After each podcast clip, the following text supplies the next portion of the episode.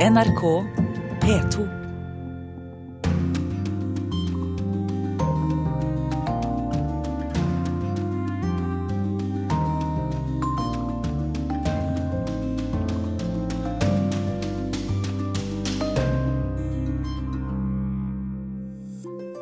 Fredsprisen gir håp om en positiv utvikling for Tunisia, men fremdeles frykt for terror og politisk uro i landet.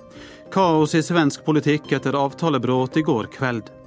Kan en sørgende visepresident komme til å ta opp kampen mot Hillary Clinton, som sliter?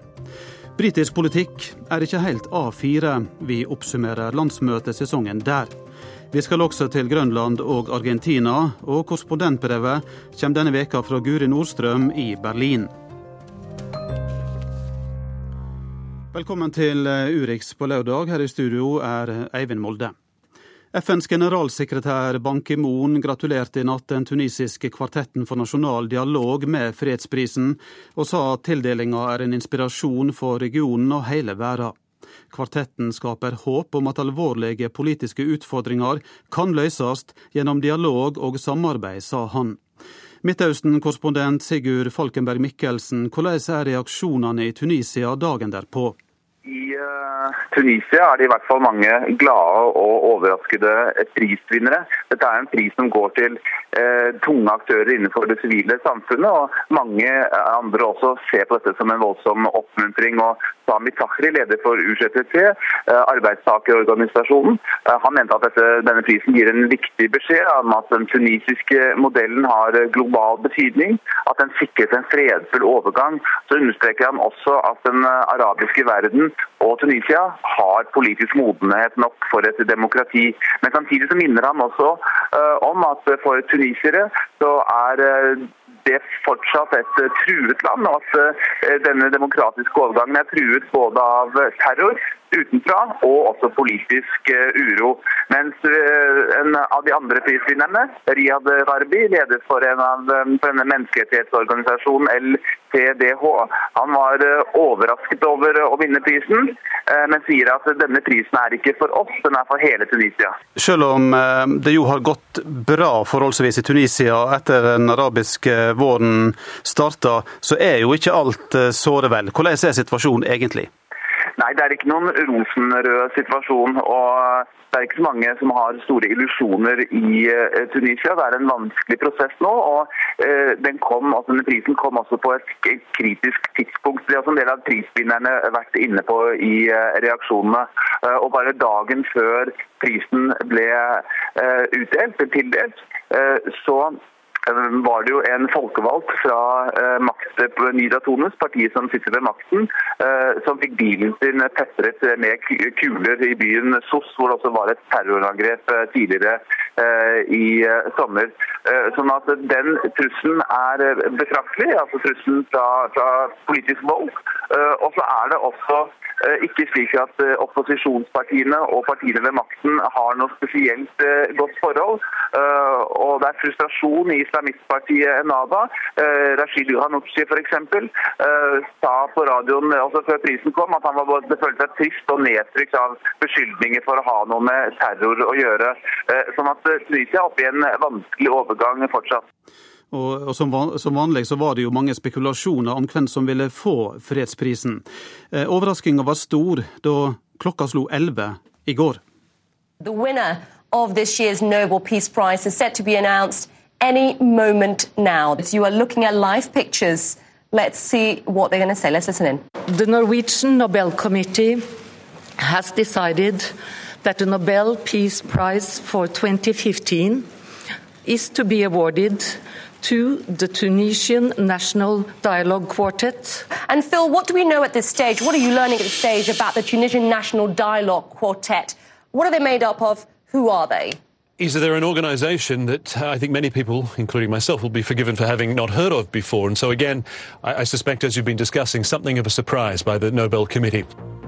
Also coming up in the next hour, the Nobel Peace Prize Committee spring a surprise. This year's award goes to the Tunisian National Dialogue Quartet for its work in rebuilding democracy after the revolution. Nobelhistoriker Asle Sveen, velkommen i studio. Takk skal du ha. Hva er din eh, reaksjon på at den tunisiske kvartetten for nasjonal dialog får fredsprisen? Ja, Den er jo positiv, men uh, i går så ble vi overrasket. Det var vel ingen av oss, verken nasjonale eller internasjonale eksperter, som hadde trodd at Nobelkomiteen igjen ville gå inn i Midtøsten.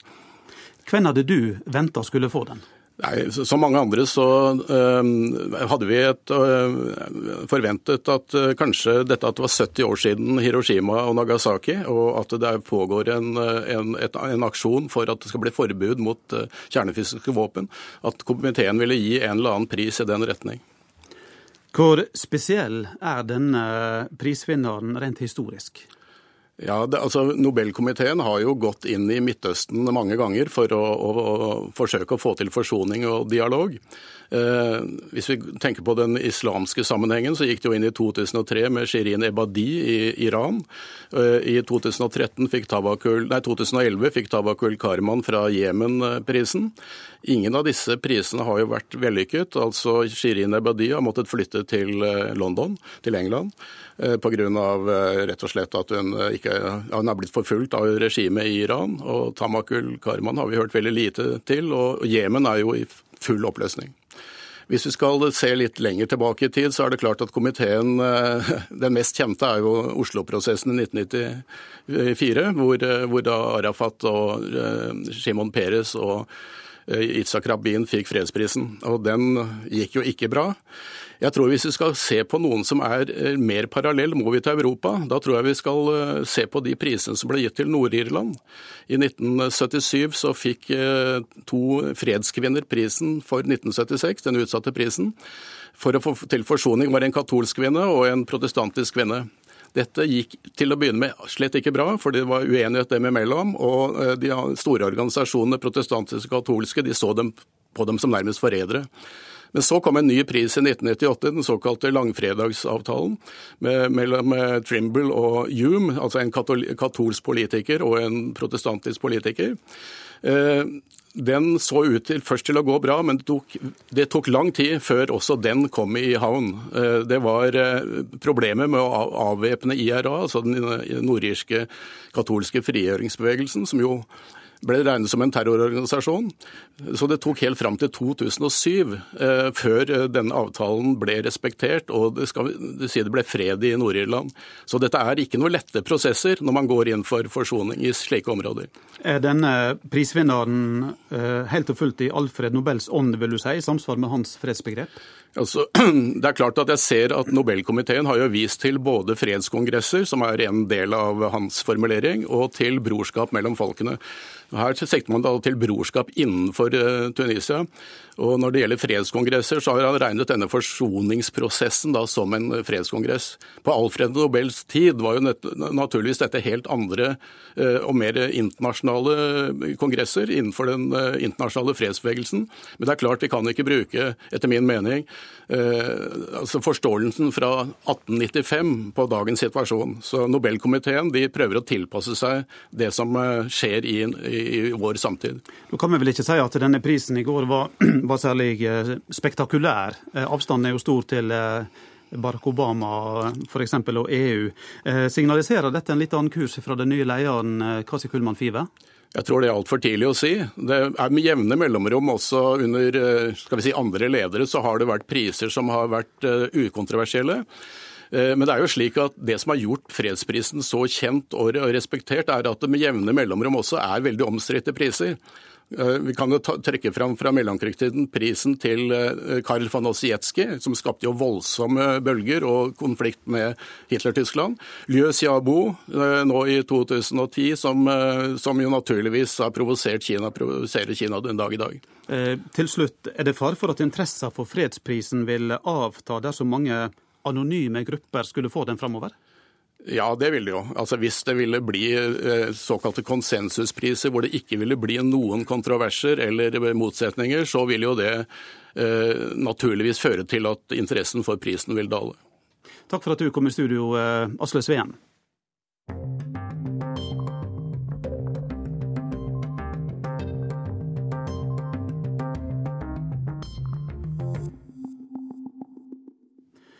Så til Sverige, der de borgerlige opposisjonspartiene overraskende trekker seg fra avtalen som sikrer støtte til statsminister Stefan Löfven og hans rød-grønne mindretallsregjering.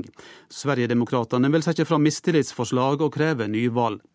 Det var Kristeligdemokraterna som først brøt avtalen, og partiet avgjorde dette mot viljen til partileder Ebba Busch Thor. Jag kan eh, konstatera att Kristdemokraternas riksting har valt att inte ställa sig bakom decemberöverenskommelsen. Det här innebär att Kristdemokraterna nu lämnar decemberöverenskommelsen och att partistyrelsens linje om att hålla fast vid den har fallit.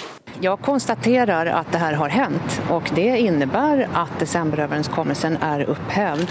Då är det mitt ansvar att leda alliansens arbete framåt utifrån gemensamma riktlinjer och för att vara redo att möta väljarna senast i september 2018. Og til slutt der hørte vi leder av Moderaterna, Anna Kinberg Batra. Politisk kommentator i avisa Ekspressen, KG Bergstrøm. Hvor overraskende er det som skjer nå? Det er utomordentligt overraskende. Denne overenskommelsen inngikk i december i fjol og skulle gjelde enda fram til 2022. Nu brøts den mindre enn ett år efter at den hadde inngått. Og veldig lenge så det ut som at eh, Kristdemokraternas partiledning hadde et støtte for sin linje å holde fast ved oppgjørelsen. Men det skjedde snabba forandringer, og det ble ganske stor majoritet for att upphäva den och då hängde övriga borgerliga partier med. Så att just nu befinner sig svensk politik i ett läge av osäkerhet samtidigt som vi har en flyktingkris som fick regeringen igår att varna för att det kan bli nödvändigt med tältläger för att alla flyktingar ska kunna få någonstans att. Kan du forklare oss hva som eh, er årsaken til at de borgerlige partiene nå trekker seg fra denne avtalen, som du sier det er svært overraskende. Hva er årsaken til det? Orsaken er at eh, opposisjonen, de borgerlige partiene i opposisjon, lovade att inte rösta mot den sosialdemokratiske socialdemokratiska miljöpartistiska budgeten som dessutom hade stöd av Vänsterpartiet.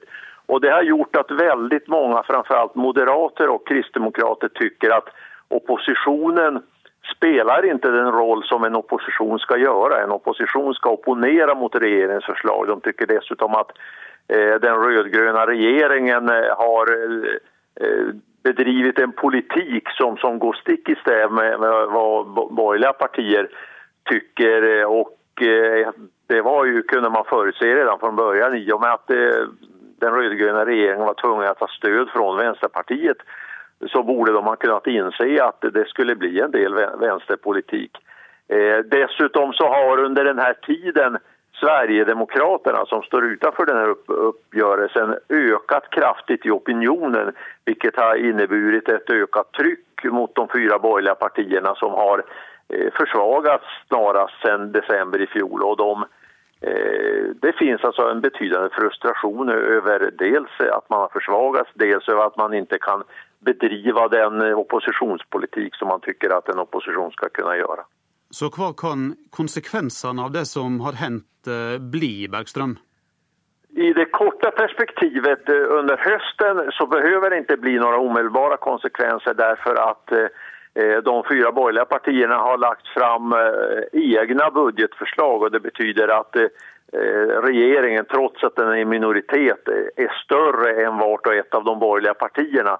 Det betyder eh, den, om inget oförutsett inträffar, får igenom sin budget när man ska rösta om den i december och det betyder eh, Sverige kommer att ha en budget för hela 2016. I det längre perspektivet så är allting ovisst. Om de borgerliga partierna skulle komma fram till att de ska lägga ett gemensamt budgetförslag till exempel nästa höst då kommer regjeringens regeringens budget, den rödgröna regeringens budget rimligen att falla eftersom man kan ana att Sverigedemokraterna då kom, kommer att rösta för det borgerliga förslaget precis som de gjorde i december i fjol vilket utlöste då det kaos som rådde då, det, det, det nyval som statsminister utlöste men som sen togs tillbaka när man gjorde den här decemberöverenskommelsen. Ett annat alternativ är, är att eh, statsministern utlyser nyval Men det är väldigt ovisst och osäkert och snarast kanske osannolikt därför att det enda parti som har bättre opinionssiffror än efter valet är i realiteten Sverigedemokraterna. Eh, Centern och Vänsterpartiet har gått fram något men inte tillräckligt för att jag tror att någon av dem ska ha något större intresse av eh, nyval. Ett, ett tredje alternativ är att regeringen försöker eh, blidka de borgerliga och eh, träffa uppgörelse i de enskilda sakfrågor i större utsträckning än vad man har gjort hittills. Men det förutsätter att de borgerliga partierna är beredda att eh, göra det. Spennende tider altså i svensk eh, politikk. Takk KG Bergstrøm fra avisa Ekspressen for at du kunne være med i Urix på lørdag.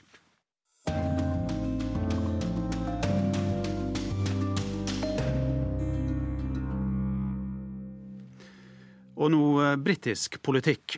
Skyldninger om støtte til eh, Storbritannia-hatende ideologier, parlamentsmedlemmer som sier åpent at de ikke støtter sin eh, egen leder, og indre uro, det er bare noe av det som har preget de politiske landsmøtene i Storbritannia de siste ukene. Særlig fikk møtene til de konservative og Labour mye merksemd. Vår Storbritannia-korrespondent Espen Aas ble til stede og har laga denne oppsummeringa. Bølgene skyller innover de milelange strendene i badebyen Brighton på sørøstkysten av England den siste tirsdagen i september. Et forelsket par drar hverandre nærmere i den litt skarpe, men likevel milde høstvinden. Noen hundre meter bak dem ligger Brighton konferansesenter, hvor aktivister smilende gir ut løpesedler og aviser til partimedlemmer i Labour, som passerer en liten håndfull vakter som sjekker adgangskortene på vei inn i landsmøtesalen.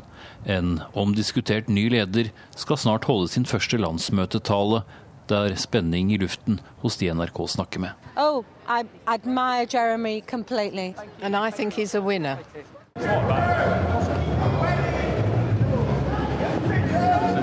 Åtte dager senere, i den gamle industribyen Manchester nordvest i England, pisker regnet ned over bistre aktivister, mens partimedlemmene står i det som fremstår som en uendelig kø gjennom sikkerhetskontrollen inn til landsmøtesalen.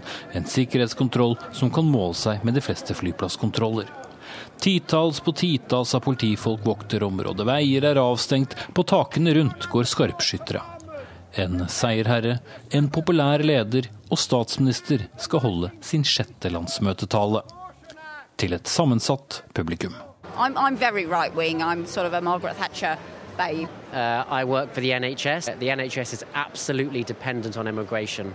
Uh, I think we have far too many migrants coming across, and uh, I think the sooner we can stop that, the better. What are you going to say, Jeremy? Labour må finne igjen fotfestet sitt. Den 66 år gamle lederen med sitt karakteristiske skjegg ankommer, kledd i et antrekk som få minutter senere latterliggjøres av politiske motstandere fordi det matchet eksakt klesdrakten til humorkarakteren Mr. Bean. Det er første gang Corbyn holder tale ved hjelp av teleprompt, altså rullende tekst på skjerm, og dermed leste han også det som sto i parentes, som var instrukser fra taleskriveren. Strong message here.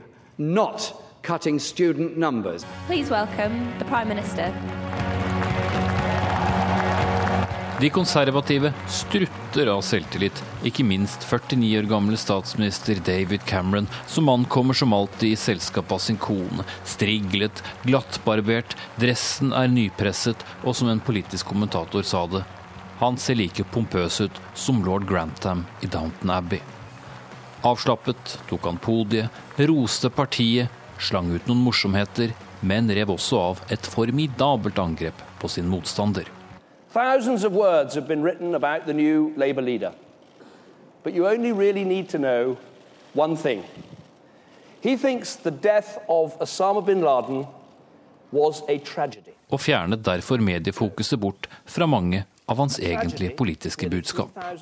Og mens eh, Labours Jeremy Corbyn i sin tale snakket om veien som ventet, snakket David Cameron om en tid som snart er over, nemlig hans egen. Og la dermed veien åpen for en kommende lederstrid den dagen han går av. Mens Jeremy Corbyn på sin side nettopp er blitt valgt som leder, og det med et overraskende klart flertall. Men likevel har han mange fremtredende medlemmer som ikke støtter ham, slik som overhusmedlemmet lord Martin O'Neill, som NRK snakket med. I'm not one of his loyal supporters. Well, I'm not one of his supporters. I'm loyal to the party, but um, we'll just have to wait and see. Så langt de mange ulikhetene, men det var faktisk også likheter, utover at begge talene varte om lag 55 minutter. For interessant nok la begge lederne politikken sin mot venstre. Kanskje ikke så overraskende hva Jeremy Corbyn angår, men mer overraskende hva David Cameron angår. For begge snakket om inkluderende samfunn, fritt for forskjellsbehandling. A greater Britain doesn't just need a stronger economy, it needs a stronger society. And delivering this social reform, I believe, is entirely fitting with the great history of our Conservative Party. De snakket om bedre kår for de som var dårligst stilt, men selvsagt med vidt forskjellig medisin. Because I wanted to send out a message of the kind of politics we're pursuing and a caring society we want to achieve. Nå som landsmøtesesongen er over, møtes de snart igjen ansikt til ansikt i parlamentet. Han fra det solfylte landsmøtet med surmuling i krokene fra dem som helst skulle ønske at han ikke var leder, og han fra det regntunge landsmøtet med demonstranter og tungt bevæpnet politi, som i øyeblikket nyter stor støtte innad, men som også minnet de samme om at han har startet på slutten. Begge har nok politisk ruskevær i vente.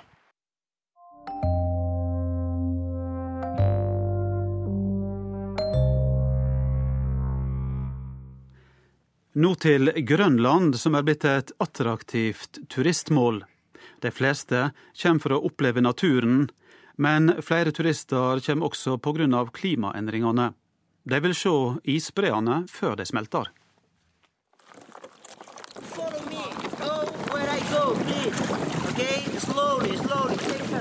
Vi padler kajakk sammen med turister mellom store isfjell på vestsiden av Grønland. Et av mine mål er å se alle nyanser av blåfarger, sier amerikanske Natalie Schraufnager. Hun har kommet til Grønland med ektemannen Nicolas for å se de vakre fargene i isen. Isfjellene kommer rett fra den mektige innlandsisen noen kilometer lenger inn.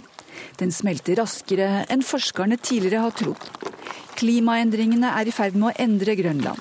I hele Arktis har temperaturen økt nesten dobbelt så mye som i resten av verden. Klimaendringene har også blitt en turistattraksjon. Natalie er kommet for å se isbreene før de smelter. Really det er fantastisk fint. Og uh, kommer inn her i sånn her vær med sol og vindstille og bare får uh, seile inn mellom isfjellene er helt utrolig. Nils Lorentzen og kona Vilde Otnes har også lagt ferien til Grønland. Fantastisk. Jeg bor selv i, på Svalbard, så det er naturlig å dra til Grønland på sommerferie. De er passasjerer på Hurtigruta, som har området som et av sine faste reisemål.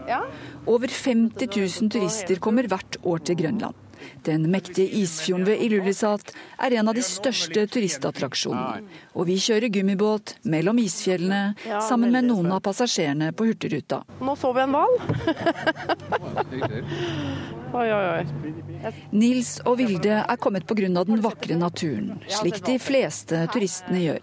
Jeg har bestandig hatt lyst til å reise hit. Jeg bor jo på Svalbard sjøl, så det her er jo det er jo nesten det samme, bare at det her er så utrolig mye større. Og utrolig mye større isfjell og is, og det er så pent at det, man har nesten ikke ord. Men for amerikanske Susan Carlsen er også klimaendringene viktig. I recently was in Glacier National Park, which is in the United States. The glaciers are almost gone. Hun forteller at hun nylig var i en nasjonal brepark i USA, og at isbreene har smeltet veldig mye. Derfor har hun kommet til Grønland for å se breene her før de smelter. I was aware of it years ago when I first went to Kenya. I wanted to see the animals before they were gone, and now I want to see the glaciers. Hopefully, they'll still be here in my children's and my grandchildren's lifetime, but we don't know, do we? Flere turister og også forskere kommer altså til Grønland for å se breene før de smelter. Turismen er en viktig inntektskilde for Grønland, forteller seniorforsker Birger Poppel ved Universitetet på Grønland.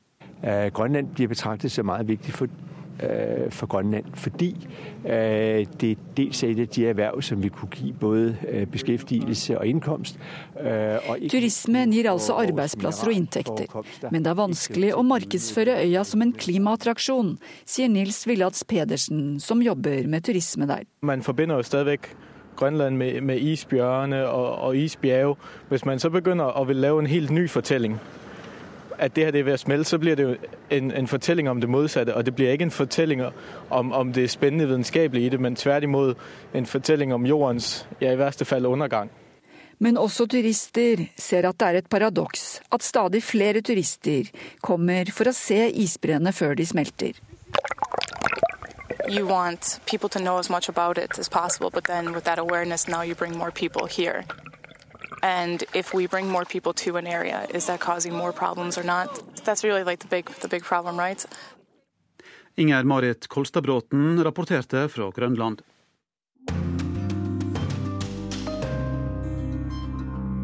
Klokka er 11.29, og videre i Urix på lørdag skal det handle om amerikansk politikk. Og vi skal høre om store økonomiske utfordringer i Argentina. Korrespondentbrevet kommer fra Guri Nordstrøm i Berlin. Onsdag møtes Hillary Clinton og de andre demokratiske presidentkandidatene til sin første TV-debatt i valgkampen. Er, de, er, de, er, fem i denne debatten, men mange ønsker at en til skal stå på scenen i Las Vegas, der debatten går av stabelen. Please welcome Vice President Joe Biden. Han er gjest hos Stephen Colbert i The Late Show og han får det uunngåelige spørsmålet. Like right yes. Vil visepresident Joe Biden gjøre det likevel? I don't think any man or woman should run for president unless they can look at the folks out there and say, I promise you, you have my whole heart, my whole soul, my energy. Det er en hel måned siden dette intervjuet nå, men mange amerikanere husker det fortsatt og kommer ikke til å glemme det. Selv dem som står langt fra ham politisk, vil huske intervjuet med visepresidenten i USA. Og med en far i dyp sorg. Think of all the people you know who are going through horrible things, and they get up every morning and they put one foot in front of the other. Vi spoler tida tilbake til sommeren 2012. And yes, and yes, we have miles to go before we sleep. På scenen i landsmøtehallen i Nord-Carolina står Joe Bidens sønn. Beau Biden er generaladvokat i hjemstaten Delaware og spås en lysende politisk framtid. Faren klarer ikke å holde tårene tilbake.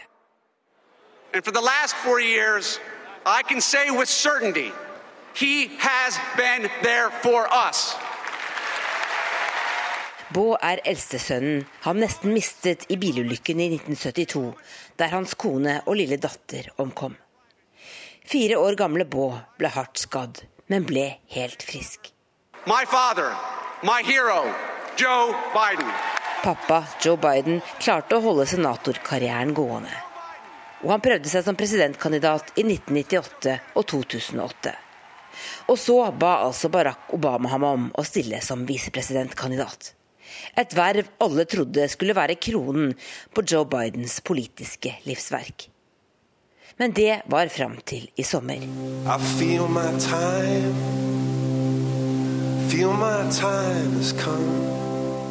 30. mai døde Bob Biden av kreft, 46 år gammel. Den hjerteskjærende begravelsen ble sendt direkte på TV her. President Obama klarte heller ikke å holde tårene tilbake. What a good man. What an original. May God bless his memory and the lives of all he touched. Like før han døde, ba Bob Biden faren om å tenke tanken likevel. USA trenger deg, og ikke nok en Clinton, skal Bob Biden ha sagt til sin far. Nå ligger Joe Biden godt an på meningsmålingene, selv om han ikke engang er presidentkandidat. De som støtter ham, har allerede samlet inn penger en god stund, og i går sendte de sin første reklamesnutt på TV. En snutt Joe Biden ba dem om å trekke tilbake. Men han har fortsatt ikke sagt at han utelukker å stille opp. På onsdag møtes demokratene som allerede er påmeldt, til sin første TV-debatt i Las Vegas. Donald Trump? Like, uh, you're all losers? Hillary Clinton sliter stadig med å være både troverdig og folkelig. For å skåre høyere på det siste stilte hun sist helg opp i humorprogrammet Saturday Night Live. I'll drink to that. God, I love a scalding hot vodka. You know, I, I just realized I never checked your ID. I en sketsj spiller hun bartender og serverer vodka til seg selv. En frustrert og forsmådd presidentkandidat i blå drakt. Well, I guess I should uh, get going, but this has been so nice. You are really easy to talk to, Val. Oh, thanks. You know, that's the first time I've ever heard that. Morsomt var det, men vil det hjelpe på meningsmålingene? This country faces enormous problems. You all know that. Fra venstre snakker sosialisten Bernie Sanders rett fra levra. Og det vil han helt sikkert også gjøre i onsdagens debatt. De andre tre demokratiske kandidatene synes nesten ikke på meningsmålingene. Mange demokrater liker ikke Hillary Clinton. De roper på Joe Biden. Han kan melde seg på onsdag morgen og fortsatt rekke å være med i debatten, mener fansen. Men Biden er fortsatt i tenkeboksen og er fortsatt en sørgende far. I'd be lying if I said that I knew I was there. Uh, Til Stephen Colbert sa han dette om å stille som presidentkandidat. no, nobody has a right, in my view, to seek that office unless they're willing to give it 110% of who they are. Sympatien overfor Biden kan fort bli snudd til noe annet dersom han velger å delta i freakshowet 2016-valgkampen allerede er blitt. Noen kommentatorer advarer USAs visepresident mot nettopp det, mens andre trygler han om å redde det demokratiske partiet. USA-korrespondent Tove Bjørgaas hadde laga denne reportasjen. Redaktør i amerikansk politikk NO, Are Togvold Flaten, velkommen i studio. Tusen takk. Ville Joe Biden være en sterkere kandidat enn Hillary Clinton? Eh, man sier jo gjerne det at uh, potensielle kandidater de er aldri så populære som før de eventuelt kunngjør, eller samme dag uh, som de kunngjør. Uh, det tror jeg også er tilfellet med Biden, at interessen for ham er mer enn hvordan det faktisk vil være dersom han stiller. Men på mange måter så tror jeg han vil være en, en litt mer folkelig kandidat. Noe som da er hovedproblemet til Hillary, mener mange. Så, og han gjør seg veldig godt i, i TV-debatter, noe vi så i, i 2008 bl.a. Så det er grunn til, til uro hvis man er i Hillary-kampanjen når man ser på Biden. Og hvis man ser på målingene og andrevalget til de som blir spurt, så ser man at Biden stjeler langt fra flere stemmer fra, fra Hillary Clinton enn f.eks. Bernie Sanders, som vi hørte i innslaget her. Så stiller han, så blir det sylskarp konkurranse? Stiller han, så blir det enda mer kaos, som Tove Bjørgaas var inne på i innslaget. Hvor lenge kan han vente med å bestemme seg? Han kan fortsatt vente litt. Første debatten er jo nå neste, altså denne uken, onsdag. Han trenger ikke å si noe før den tid. Men ute i november så begynner det å komme tidsfrister for å melde seg på hvis man faktisk skal være med i de ulike nominasjonsvalgene som starter fra, fra februar av. Så han kan ikke vente veldig lenge. Mens det er noen som sier at et alternativ er at han kan vente og se og dersom da Hillary skulle falle helt pga. denne e-postskandalen som har tynga henne lenge, så dersom hun skulle trekke seg, så kan, kan, han komme inn på et senere tidspunkt. Landsmøtet er jo ikke før, før juli 2016, men det er på en måte en sånn, en sånn nødplan. da. Men han kommer nok med en beslutning i oktober eller november. Vi har vært inne på problemene til Hillary Clinton. Hvor alvorlige og hvor uventa er de problemene? De er ikke så uventa hvis man ser på, på 2008-valgkampen. Og av den kritikken hun fikk etter den. Da gikk det på at hun ikke var en særlig god kandidat, mens Obama på en måte tok, tok, henne igjen. Hun ble også da en forhåndsfavoritt. Nå i forkant av 2016 så har hun vært tidenes største favoritt. Men det har liksom, Selv om da kampanjen hennes har sagt at nå skal dere snart se den mer autentiske Hillary, noe de faktisk da ble sitert på i New York Times like før dette Saturday Night Live-sketsjen som vi hørte i innslaget. Eh, og der heter hun jo da Val, som en bartender. Eh, og hun framstår jo der da som, eh, som hun kanskje ønsker å framstå i valgkampen. Og det er en av Joe Bidens styrker. Eh, folk eh, kjenner han bare på navnet Joe. Eh, han er folkelig. Han har jo også denne fascinerende familiehistorien med de tragediene han har vært igjennom, som får mange til å se på Biden på en litt, litt annen måte. Kan Bernie Sanders være en reell utfordrer? Han er en reell utfordrer nå, hvis vi ser i de tidlige nominasjonsstatene Iowa og New Hampshire. Leder bl.a. I, i New Hampshire. Eh, men på sikt eh, så, så tar Hillary dette mot, mot, Sanders. Hun har langt flere støtteerklæringer eh, og et helt annet valgkampapparat som er bygd for å vare hele veien. Mm. Til slutt, hva slags strategi vil de to velge i debatten på onsdag, tror du? Vi ser jo at Hillary Clinton allerede har lagt seg dytte lenger og lenger til venstre. Både i retorikk og i de standpunktene hun har tatt. Eh, og nå som hun da har kommet ut mot denne TPP-handelsavtalen, som Sanders eh, bl.a. har vært mot lenge, eh, så har hun på en måte tatt den saken litt av bordet. Men det vil bli spennende å se hvordan de forholder seg til hverandre. Begge har sagt at de ikke vil angrepe hverandre personlig, men til syvende og sist så må man kanskje gå og snakke litt om politikken som skiller det. Are Togvold Flaten, direkte i Urix på lørdag, redaktør i amerikansk politikk. Takk for at du kom i studio. Tusen takk.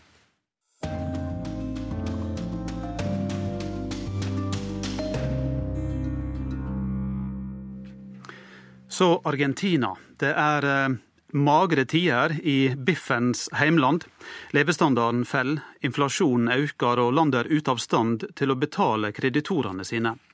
Om to uker går eh, argentinerne til valg, men bare de færreste tror på bedre tider, samme hvem som vinner. Arn Stefansen har sendt oss denne reportasjen.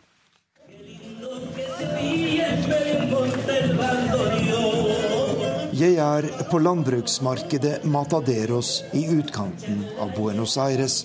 Hit kommer argentinske bønder fra store deler av Pampasen for å selge sine varer. Små boder på markedet selges noen av verdens beste landbruksvarer. Kjøtt, grønnsaker, frukt og vin og på en utegrill stekes enorme biffer mens folk står i kø og venter på å sette tennene i godsakene. Det vi bønder produserer, er selve ryggraden i Argentinas økonomi, sier storbonden Mario Duarte, en kraftig og energisk kar i 50-årene.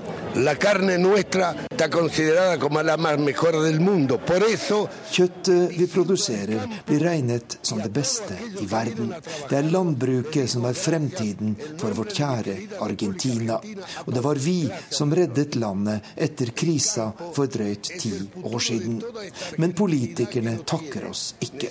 I stedet legger de stadig nye avgifter på vår produksjon og eksport, samtidig som prisene på verden verdensmarkedet har falt kraftig, sier bonden.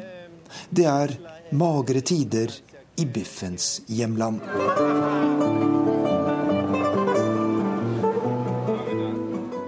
Argentinerne trøster seg med sin elskede tango, men stemningen i landet er dyster. Bare 30% av innbyggerne føler at regjeringen ivaretar deres interesser, viser den prestisjetunge undersøkelsen Latino Barometro, som måler politiske holdninger i ulike land i Latin-Amerika. Folk jeg møter på det berømte tangomarkedet i San Telmo i Buenos Aires, sier det er umulig å ha tillit til ledere som opplever virkeligheten helt annerledes enn dem. El gobierno no reconoce Regjeringen vil ikke innrømme at inflasjonen er skyhøy, sier den 45 år gamle Jorge Males, tidligere lærer som nå jobber som renovasjonsarbeider. Vi som går i butikken hver dag, vet hva ting koster, og vi vet at politikerne lyver når de snakker om en inflasjon på 10 Sannheten er minst 25% og lønna henger hele tiden etter. Vi pleier å si at prisene tar heisen, mens lønna må gå trappen. Dermed blir vi stadig fattigere, sier han.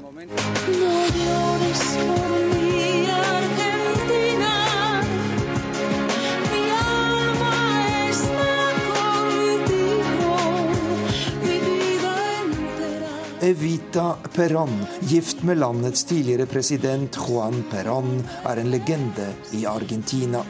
Men mange mener at det politiske systemet som paret utviklet på 1940- og 50-tallet, er bakgrunnen for mange av dagens problemer. Peronismen har røtter i fascismen og bygger på den såkalte korporative stat, der alle er i samme båt og løser oppgavene sammen. Problemet er at dette er et lukket system med lite rom for kritikk utenfra, sier statsviteren Ignacio Labaki. Den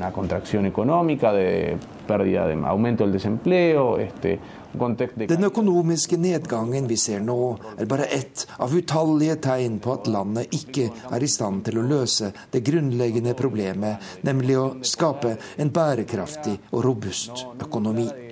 Dagens president, Kristina Kirchner, fører en klassisk peronistpolitikk, der mange har store sugerør inn i statskassen, og der de som skaper verdier, blir kraftig beskattet, sier statsviteren. Yo te quiero pedir el voto, pero yo también te quiero decir dette er Daniel Shawley, favoritt foran presidentvalget i Argentina om to uker. Han har støtte fra dagens president Christina Kirchner, som ikke kan gjenvelges etter fire år ved makten. Shawley sier han vil endre Argentina hvis han blir valgt, men mange tviler. For millioner av argentinere nyter godt av peronistpartiets maktstilling og politikk. Den største utfordreren er Mauricio Macri, sentrum-høyrepolitiker og leder for valgfronten Cambiemos. Vi vil ha forandring. De cualquier impedimento para exportar. Vi skal fjerne enhver hindring som er lagt i veien for vår eksport, sier Mauricio Macri. Vi må styrke posisjonen til våre landbruksvarer, og vi skal gjøre det lettere å drive økonomisk virksomhet i dette landet. Altfor mange bedrifter må gi opp fordi myndighetene kveler dem med skatter og avgifter, sier mannen som utfordrer peronistene ved valget om to uker.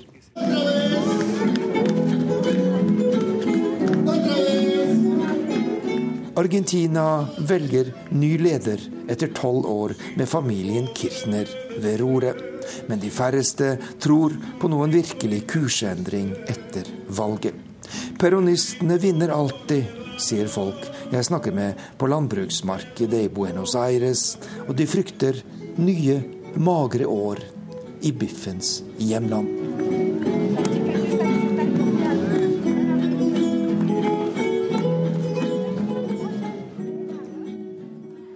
Vi skal videre til nabolandet Uruguay, det vesle landet som ligger inneklemt mellom gigantene Brasil og Argentina.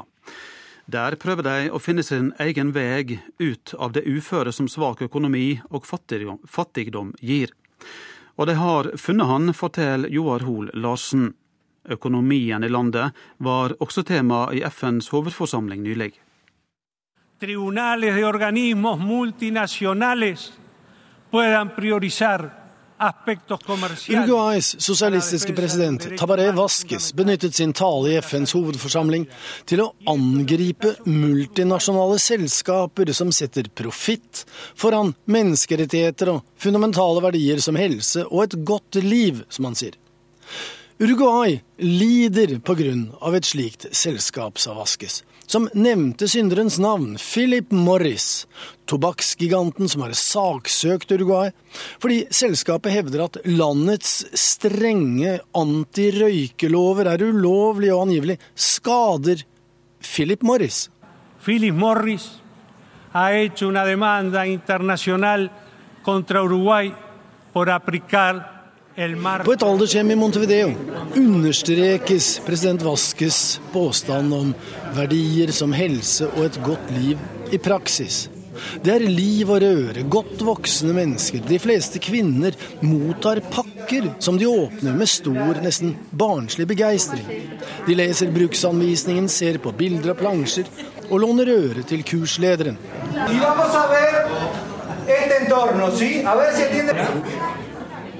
For de gamle sitter med hvert sitt nye nettbrett, som de har fått av det offentlige. De fleste mottakerne er såpass voksne at de ikke var til stede da det digitale toget gikk. I tillegg har mange av dem en bakgrunn som gjør at de ikke hadde et relevant yrke, eller kanskje vel så viktig penger og råd til å investere i EDB og datamaskiner, da den type moderne teknologi gjorde sitt inntog. Rosa Martinez har for sikkerhets skyld tatt med seg barnebarnet, hun forstår seg på disse innretningene. Enda så ung hun er, så har hun mer erfaring, sier Åsa. I hvert fall hva nettbrett og internett angår. Justamente la traje porque ellos digo, si no comprendo algo, ella tiene parece más experiencia que yo, aunque no Uruguay ved munningen av Rio de la Plata ble i 1830 en selvstendig nasjon, opprettet som en buffer mellom de to rivaliserende gigantnasjonene Argentina og Brasil. I en ikke så altfor fjern fortid ble Uruguay kalt Latin-Amerikas Sveits. Det var et land som fungerte med bankvesen og sosiale støtteordninger. Men det var før kupp og kriser hjemsøkte den lille demokratiske republikken. Men den sosiale grunnholdningen har verken juntageneralen eller bygeriljaen, monopolkapitalen eller Philip Morris klart å knekke. Hensikten med nettbrettene er at alle skal med, som det heter. Også digitale analfabeter med høy alder og lav sosial status, sier Lucia Varela til Associated Press. Hun er koordinator for programmet der de akterutseilte seniorene ønskes velkommen om bord.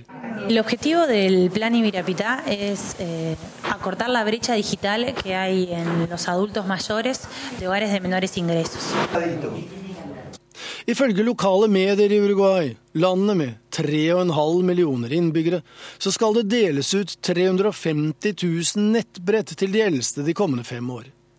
Bare det å bli sett, som det heter, er viktig for de som har følt seg glemt. Rosa Martinez bekrefter at dette er et flott tiltak. Muy, muy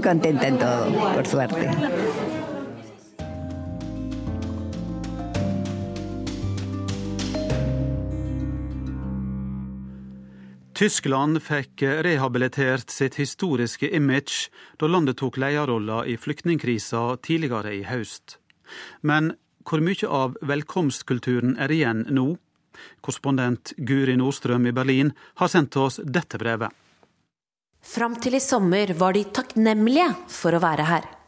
De spurte hvor er politistasjonen, hvor er offentlige bygninger, og hvor har dere tenkt å sende oss til?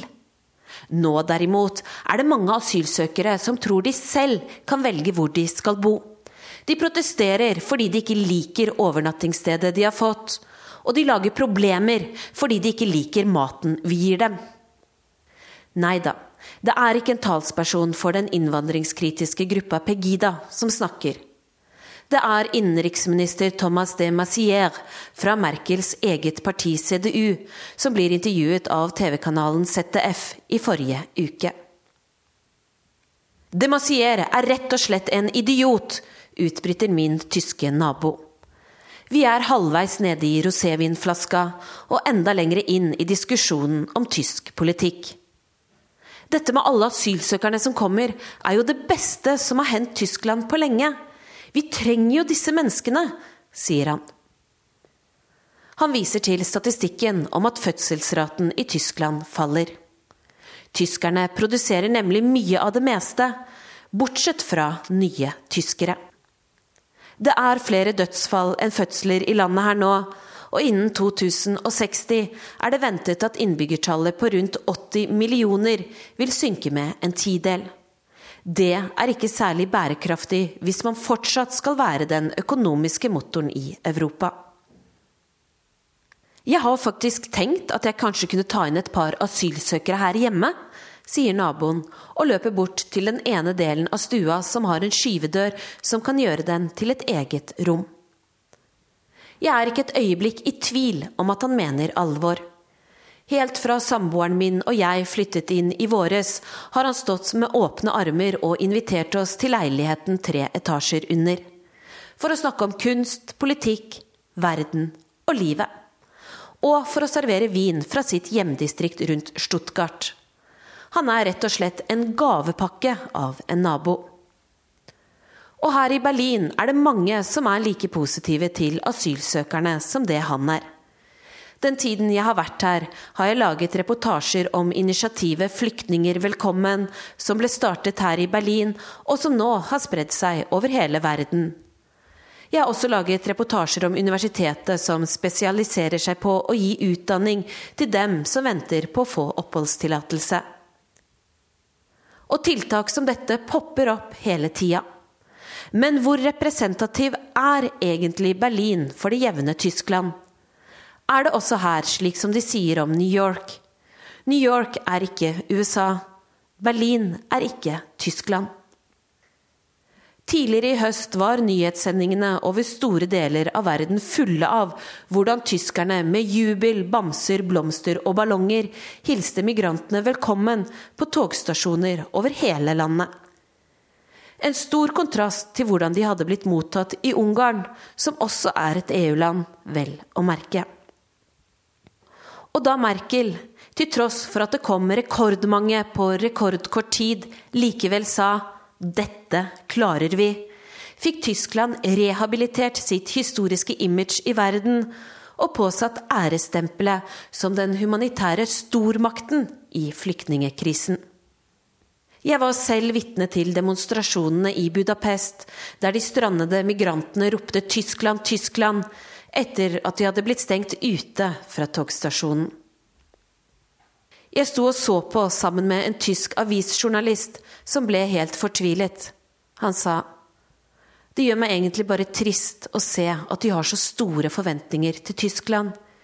Jeg er slett ikke sikker på at de vil få det så bra der. Og nå som velkomstscenene har lagt seg, er også mye av euforien slukket.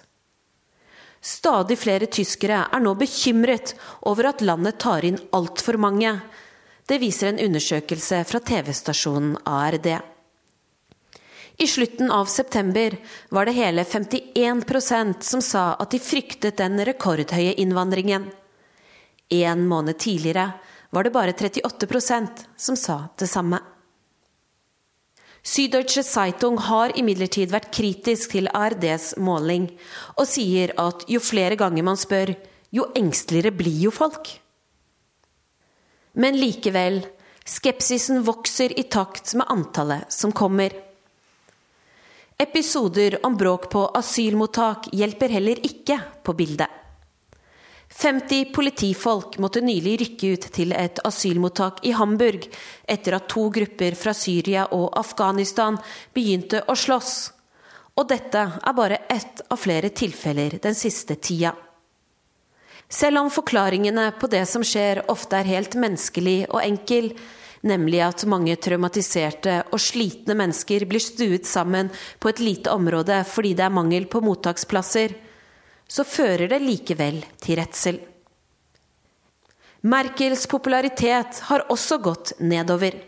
Selv om hun fortsatt er populær, mener likevel 43% at hun ikke har gjort en god jobb i flyktningekrisa, ifølge ZDF sitt politikkbarometer. Også i hennes eget parti har det vært skurringer, med det bayerske søsterpartiet CSU i førersetet. De har ikke nølt med å kalle flyktningepolitikken både for naiv og farlig. Og det er tydeligvis av sine egne man skal ha det. Fra regjeringskoalisjonen med SPD er det flere som sier at de er skeptiske til forbundskanslerens føringer i asylpolitikken. Nå er alle debattprogrammer og talkshow her fulle av spørsmålet klarer vi det, eller klarer vi det ikke likevel? Og i Dresden, byen som var hovedsete for de innvandringskritiske demonstrasjonene til Pegida i fjor høst, har nå protestene mot innvandring startet igjen.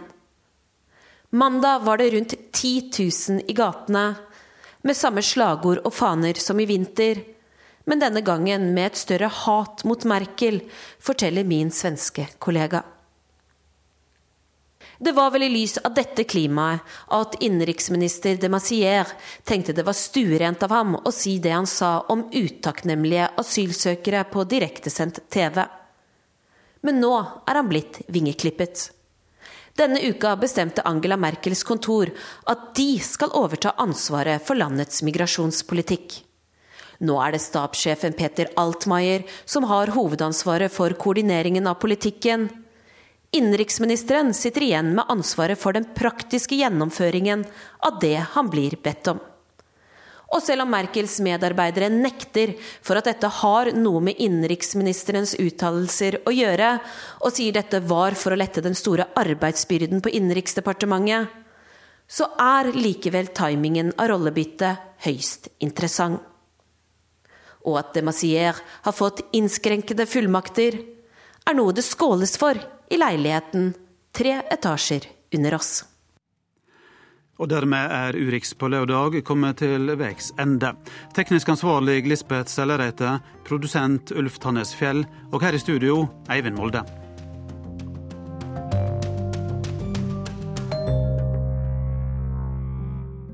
Hør flere podkaster på nrk.no podkast.